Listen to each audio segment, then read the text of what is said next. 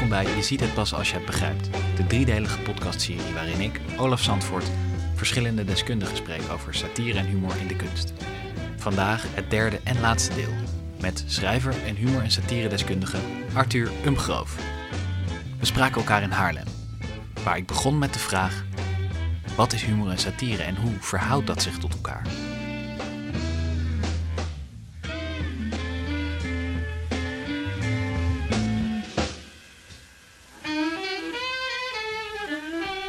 Satire doet volgens mij hetzelfde als eh, wat journalisten doen. Dus wat journalistiek doet. Het is het uh, controleren van de macht. Dus een satiricus uh, is kritisch over alles wat macht heeft. Of het nou religieuze macht is, of economische macht, of politieke macht. En humor is een instrument. Dus de journalist heeft als instrument de pen, een, een, een artikel of een reportage. En de satiricus heeft als instrument humor. En wat is het doel uh, wat jou betreft voor, van satire en humor? Nou, wat ik zei, ik denk het, het, het controleren van de macht. Dus ik denk dat een satiricus uh, ballonnen moet doorprikken. En dat hij moet zorgen dat hij uh, kritisch kijkt naar wat er gebeurt. Dat hij corruptie aan de kaak kan stellen. Dat hij. Hè, dus een goed voorbeeld is natuurlijk bijvoorbeeld de Max Havelaar. Een satirische roman, wat mij betreft. Zeker als het gaat om het verhaal van Droogstoppel. Nou ja, daarom wordt hele duidelijke kritiek geleverd op wat uh, Nederland aan het aanrichten is in uh, Indië. Ja. Nou, dat is, dat is wat een. De Circle, uh, roman van Dave Eggers, vind ik ook een satirische roman. Waarbij die de macht van die grote techbedrijven op een hele geestige en ook wel niet alleen geestig, maar ook romantische manier of, aan de kaak stelt. Um, dus satire is ook wat dat betreft dan vooral gericht op de hogere. Ja. Ja, dus de, de macht ondermijnen van degenen die dat hebben. Maar het interessante, dat ik ben er nu zoveel over bezig, omdat ik er iets over aan het schrijven ben weer, is natuurlijk dat het ingewikkeld wordt als je gaat bepalen wie de macht heeft. Kijk, in een aantal gevallen is dat heel duidelijk. Trump heeft macht. Of uh, de paus heeft macht. Of, dat, zijn allemaal, dat is allemaal duidelijk. Ja. Maar het wordt natuurlijk veel ingewikkelder als je uh, mensen hebt die uh, aan de ene kant, zal ik maar zeggen, bij een minderheidsgroepering horen, maar toch ook aan de andere kant weer macht hebben. Hè? Want je, dat is natuurlijk waar de discussie nu veel over gaat. Van, uh, je mag over een aantal groepen geen grappen maken, want uh, die zijn al gemarginaliseerd en die hebben het al zo zwaar. Nou, daar zit wat in. Hoewel ik vind dat je over alles niet iedereen grappen moet maken, maar daar komen ze nog wel over te spreken. En, maar aan de andere kant kan zo iemand ook weer op een bepaalde manier of in bepaalde groepen macht hebben. En dan moet, die, ja. moet je hem wel kunnen aanpakken. Ja, dus om een concreet voorbeeld te geven, Aquasi behoort tot een minderheid omdat hij zwart is, omdat hij uh, vast gediscrimineerd is de afgelopen decennia. Maar aan de andere kant, als hij op een demonstratie staat, heeft hij ook macht. Is het ook weer een machtshebber en moet je daar dus een grap over kunnen maken. Zit het dan in, in klassen, sociaal-culturele of economische klassen? Dat bijvoorbeeld Aquasi behoort tot een, uh, tot de bovenlaag van bijvoorbeeld de, de, de Nederlandse hip-hop. Dus die heeft een bepaalde bekendheid en daardoor macht. Um, dus is hij daardoor ook weer uh, eerder een, een, doelwit van kritiek? Nou, dat kan. Dat, zou, ja, dat kan. Kijk, iemand die op de grond ligt, ga je niet natrappen als het ware. Nee. Maar als er iemand ergens wat staat te beweren, dan, dan vind ik dat je ook als satiricus het recht hebt om daar wat van te zeggen, om daar een, een grap over te maken. Ja, en is er een grens uh, van die grap of van, die, van de satire? Ja, ook dat is een ingewikkeld uh, punt. Hè? Ik, ja, er, er is een grens. Er is natuurlijk een grens waarbij satire overgaat in gewoon beledigen. Ja. En, en als het beledigen wordt, kan het heel gauw ook discriminatie of racisme worden. Ja. En er zijn zoveel facetten van op invloed. Het gaat erom wie zegt het, het gaat erom op welk podium wordt het gezegd. Snap je? Uh, uh, Theo Maas had in een programma een uh, grap over dat hij tegen persoonsbeveiliging voor politici was. Ja. Daarbij refereerde Geert Wilders. Nou, um, daar is een hele ophef over ontstaan. Hij heeft dat later ook uitgelegd van ja, luister, natuurlijk meen ik dat niet. Hè, het, het model, zijn humorvorm werd niet begrepen. Ja. Namelijk de omkering. Um, Maar daarbij, het maakt dus ook uit dat hij, dat hij het zegt. Iemand waarvan we weten dat hij harde grappen kan maken. Dat hij het op een podium zegt, in een cabaretvoorstelling. In een voorstelling waarin hij net heeft aangegeven dat hij uh, laatst op een uh, namiddag heeft besloten om dictator te zijn. Weet je, dat zijn allemaal dingen die uitmaken. Ja. Als iemand dat gezegd had van um, de partij Denk, ik noem maar wat, Ja. dan was het uh, totaal anders geweest natuurlijk. Was het een heel ander verhaal geweest. Ja. Dus, dus al die aspecten maken uit. Humor en satire kunnen schuren. Uh, kunnen dus, wat je net zegt, kunnen beledigen. Um, en hoe ga je daarmee om als je iemand beledigt uh, met een grap? Um, wat is daar de consequentie van? Nou, de consequentie kan zijn dat je uh, je hoofd eraf gaat, bijvoorbeeld. Hè? Als je, als, er is dus geen cabaretier in Nederland die een grap durft te maken over de profeet Mohammed. Want dan ben je je leven niet zeker. Ja. Dus dat kan een, een uiterste consequentie zijn. En, en, dat zorgt, dat is een hele succesvolle methode. Want we maken al twintig jaar geen grappen over bepaalde figuren. Waar we wel grappen over zouden moeten maken, vind ik. Maar verder, ja, eh, iedereen heeft het recht om beledigd te zijn, eh, vind ik. En ik vind ook dat iedereen in principe het recht heeft om overal grappen over te maken. Maar ja, er wordt natuurlijk ook heel veel hele slechte grappen gemaakt. En soms is dat belediging. En dat, dat is heel vervelend, maar dat hoort wel een beetje bij uh, deze samenleving, bij deze vrije samenleving. Uh, hoe lang bestaat humor en satire nou eigenlijk echt? Ja, de, volgens mij bestaat het uh, zolang als de, de, de, mensheid bestaat. Maar want er is een, een stuk bekend van de Grieken al, een Grieks stuk, wat je als satire zou kunnen aanmerken. Dat speelt ten tijde van de Atheen-Spartaanse oorlogen. En uh, daar is dus de, de hoofdpersoon, is een vrouw. En die besluit dus om alle vrouwen bij elkaar te roepen en om een seksboycott in te voeren. Dus er wordt niet meer geseks met die mannen totdat ze de oorlog beëindigen. Nou, daar komen er allerlei stereotyperingen in voor met mannen met uh, uh, ballen in hun zak tot de, tot de grond. Die niet meer kunnen omdat ze geen seks mogen hebben. En ook vrouwen die het daar heel moeilijk mee hebben. Maar er worden ook allerlei uh, machtsstructuren ontmanteld. Hè, want er zijn allerlei ambtenaren die er belang bij hebben dat die oorlog blijft duren en zo. Dat is een heel kritisch, maar ook geestig stuk. Hè, waarbij de, de schrijver dus humor gebruikt als instrument. En dat is dus uit, nou ja, uit de Griekse tijd. En ik denk dat je zo door de hele tijd heen, je kan ook in al die landen waar nauwelijks iets gezegd mag worden, het voormalige Perzië en zo, daar zijn allemaal, overal is altijd satire geweest. En je ziet dat de vormen een beetje verschillende. Hè, het was, vroeger waren het vaak uh, geschreven teksten alleen.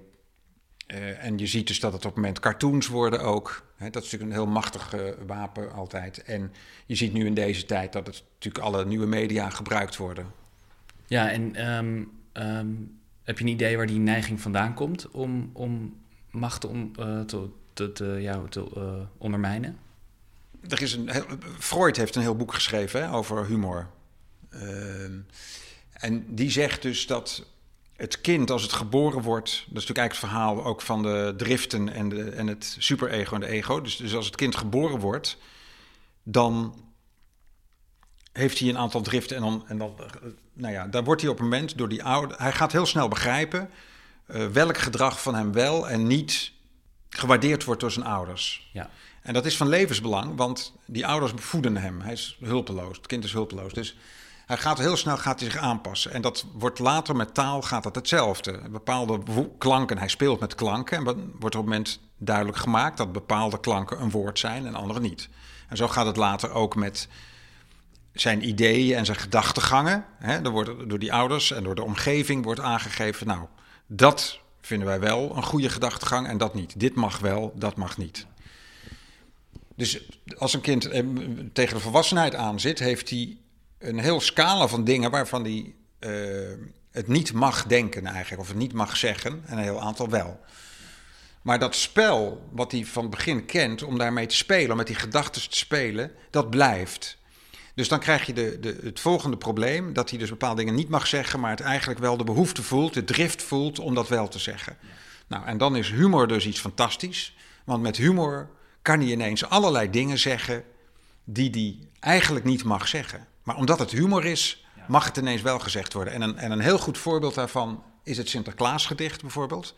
Hè, dus een Sinterklaasgedicht, daarin zeg je dan dat daar is toegestaan om allemaal dingen te zeggen over de ander die, die je anders niet zomaar zegt. En dan mag het ineens. Dus dan is de, de vorm van de humor verzacht het. Ja, en is dan dus de rol van de satiricus uh, of de humorist in de maatschappij, uh, de, de, heeft hij dezelfde rol als dat Sinterklaasgedicht in een familie?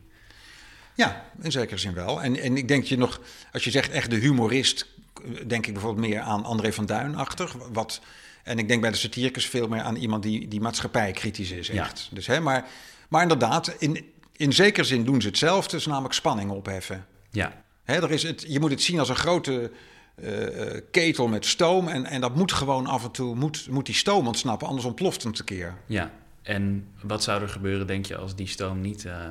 Ja, oorlog, denk ik. En je ziet natuurlijk ook in al die totalitaire landen, daar, daar, je ziet dus wat een onderdrukking daar plaatsvindt. En, en, en nou ja, wat voor een land je dan krijgt. Dat, daarom ben ik er zo fel op dat we. Ja, dat, dat in principe alles moet mogen als het om humor betreft. Want als je dat gaat inperken, dan krijg je een hele starre, uh, enge samenleving volgens mij.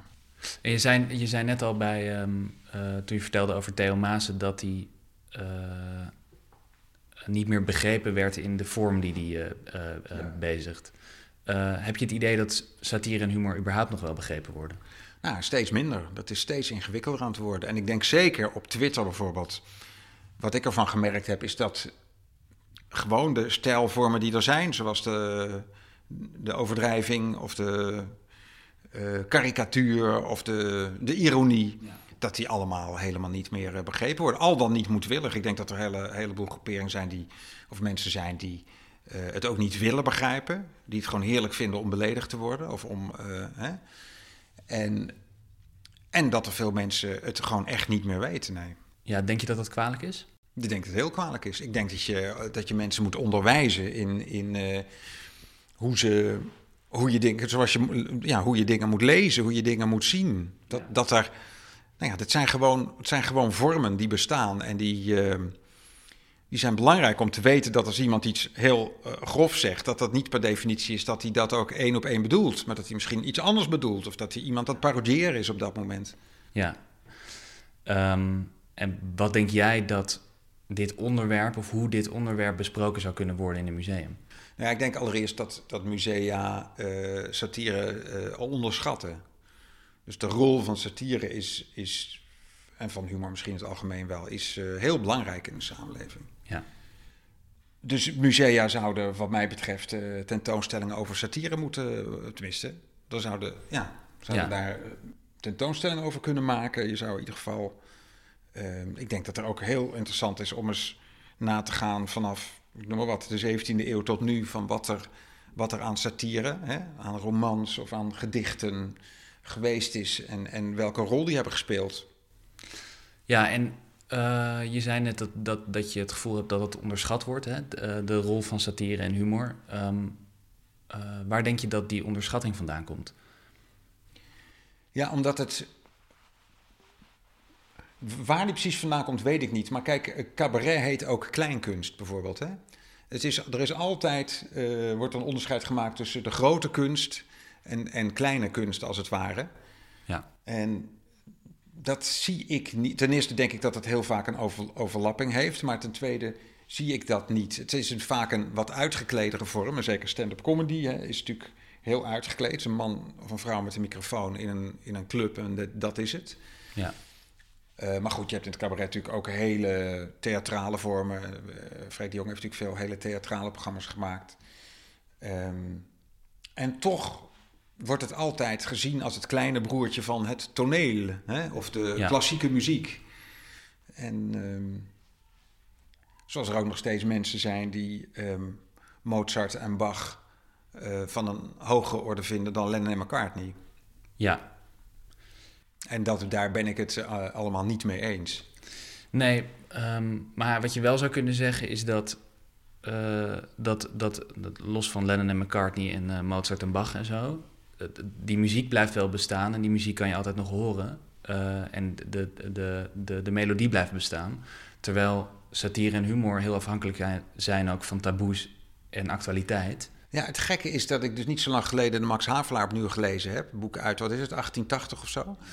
Uh, en ik, ik kan het nog moeiteloos. Ik vond het nog geweldig. Ik denk dus dat, er, dat het net als met de Griekse, uh, Griekse tragedies, maar ook met de Shakespeare's, dat er wel satire is die zal blijven bestaan. Ja. ja en... Misschien is dat meer in romanvorm, maar dat weet ik niet. Ehm, maar ik denk toch ook dat er bepaalde beelden, bepaalde cartoons zullen blijven bestaan. Ik denk dat, uh, om maar eens wat te noemen, het zit natuurlijk een beetje. Nou, dat waren ook satirische. Ik denk dat er een aantal dingen van, uh, van Koten en de Bie. Uh, nou, behoorlijk tijdloos zijn en, en lang mee kunnen. Heel lang mee kunnen zelfs. Ja, de, ja dat, dat denk ik ook. Maar um, ja, het, het, waar ik vooral over nadenk, of waar ik hierbij aan denk, is dat het. Um, dat satire en humor uh, soms, soms ook niet meer begrepen worden in ja, dingen. Dat, dat, dat, het, dat het gaat over uh, uh, bepaalde menselijkheden, of bijvoorbeeld bepaalde. De, de, de, als voorbeeld Jan Steen of Pieter Breugel, waar dan de kritiek wordt geleverd op hoe de mensen het golf beleiden. Dat soort dat soort kritiek uh, bestaat nog wel, maar in het algemeen in de westerse wereld is dat niet meer een heel actueel thema.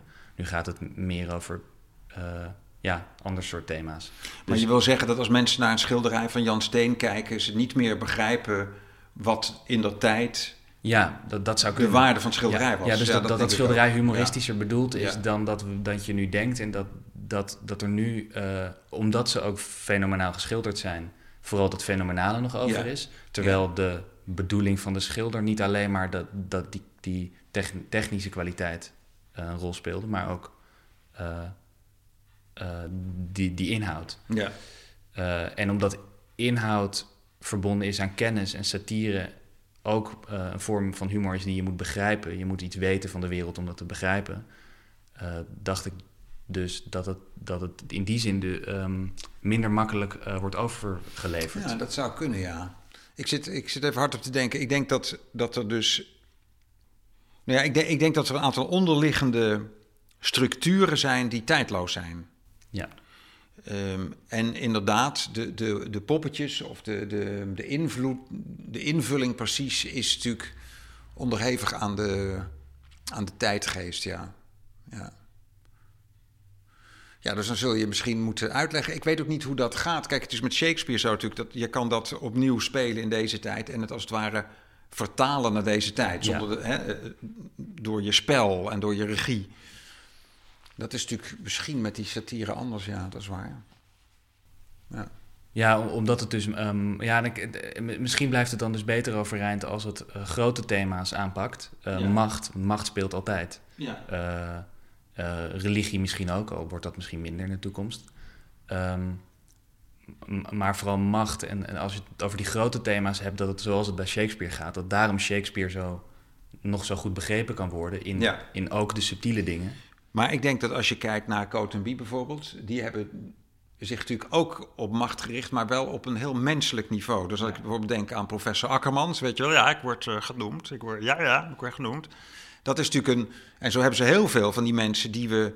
Die, door de eeuwen heen zul je die altijd zien. Ja. Je hebt altijd mensen die natte billen krijgen van macht en dat dus uh, heel graag bij in de buurt willen zijn en ja. daar ook willen zijn. En dat hebben zij dan door professor Akkermans laten zien, als het ware. Ja, uh, ik moet ook denken uh, bij het voorbeeld Cotenby aan het grapje Do is de baanhoofd. Het idee namelijk ja. wat erachter zit is natuurlijk de kritiek gaat over dat iedereen een verzetsheld is geweest. Precies, ja. Um, uh, alleen ik, de neiging bij heel veel mensen is om het verhaal achteraf iets mooier te maken dan dat het was. Ja. En daar gaat het ook over. Dus ja. Dus op zo'n fundament, of ja, zo'n zo, zo heel ja. bazaal. Ja, maar ik denk dus dat Cotenby heel vaak heel fundamentele, uh, maar dan op menselijk niveau, menselijke trekken hebben. hebben.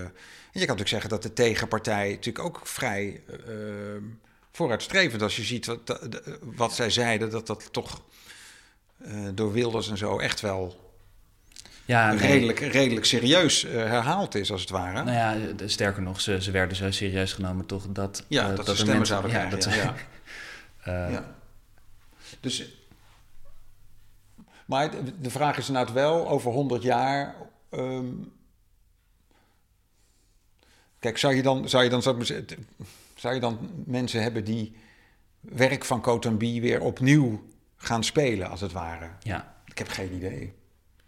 Je zou bij bijvoorbeeld een show van Theo Maas of zo is het inderdaad wel... ehm, is ook wel erg aan zijn persoon gebonden natuurlijk. ja. Ja, Maar ik, ik weet dus niet goed... ehm, ook, al zou, ook al zou het zo zijn dat satire tijdelijker is dan, eh, dan, dan andere dingen... dan nog denk ik dat je als museum eh, eh, kan onderkennen... dat het een grote rol heeft, heeft gespeeld door de geschiedenis heen... en dat je die daarom dus zou moeten ehm, belichten.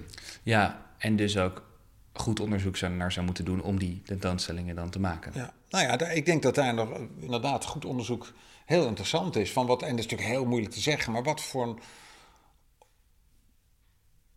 rol speelt kunst in het algemeen misschien bij veranderingen? Ik, ik kan voor mezelf een, een heel goed voorbeeld halen. Ik, zat, ik studeerde in Groningen en ik was begonnen met rechten. En, maar ik wilde, ik wilde iets anders. Ik wist al lang dat ik iets anders wilde, maar het was niet duidelijk. Nou. En toen las ik eh, De ondraaglijke lichtheid van het bestaan van Kundera.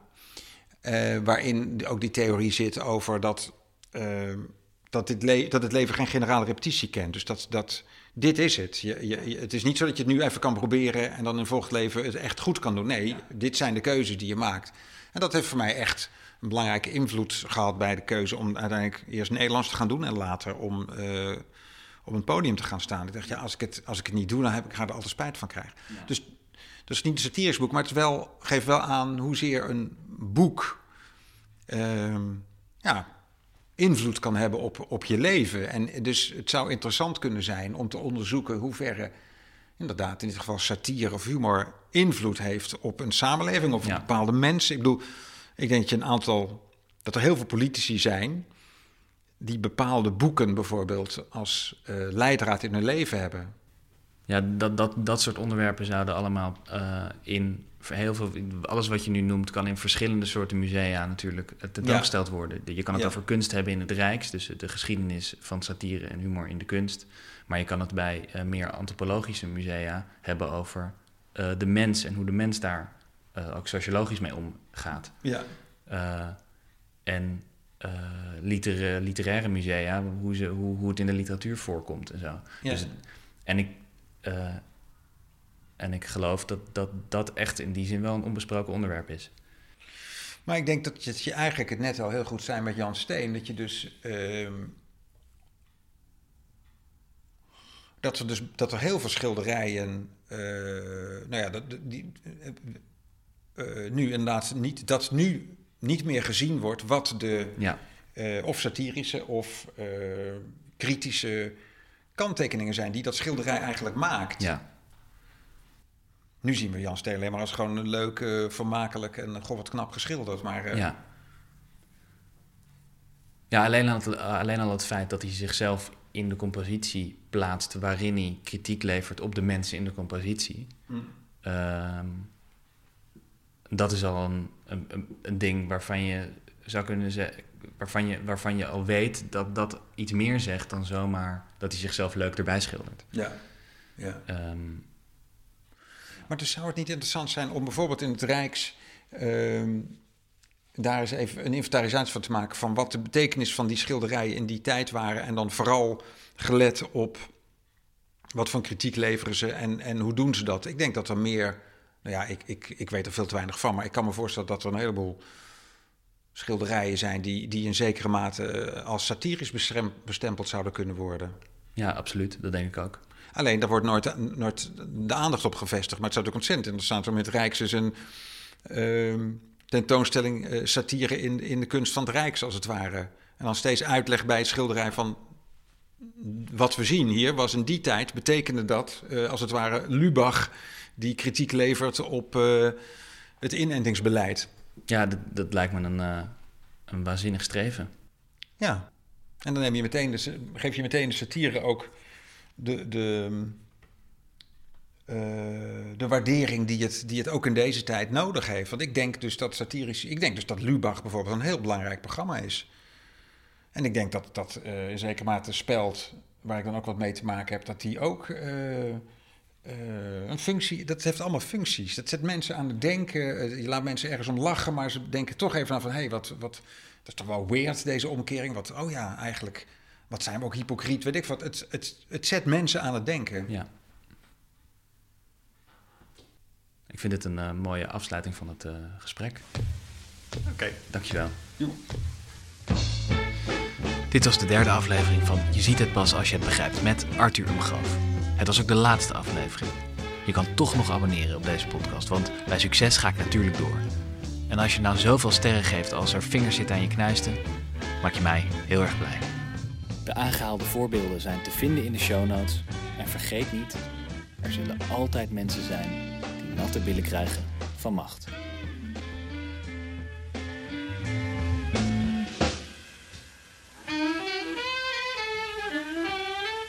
Nou, een, goed voorbeeld hierbij is um, over toneel en Code B gesproken. Ik heb bij een toneelauditie in Maastricht, toneelacademie Maastricht, heb ik een, um, dacht ik moet een monoloog voorbereiden. En toen dacht ik, ik doe een monoloog van Cor van der Laak. uh, dat heb ik toen gedaan. Uh, ik moet wel in alle eerlijkheid zeggen dat ik het uh, zo heb voorbereid dat ik eigenlijk gewoon Cor van der Laak persiflage deed. Dus uh, in die zin snap ik heel goed dat dat niet goed genoeg was. Alleen achteraf werd, uh, of vooraf, ik weet het niet meer zo goed. Ja, volgens mij vooraf. Uh, zei de, de, de, de vrouw van de toneelacademie tegenover, voor wie ik moest auditeren. Die zei, ja, waarom heb je van de Coat en, en wat? Van wie, heb, van wie is dit? En, en, toen zei ik, dat is van Coat en de Bie. Dat is toen zei ja, ik ken het niet, leg, leg eens uit. normaal. En toen... En toen um, Reden voor ontslag.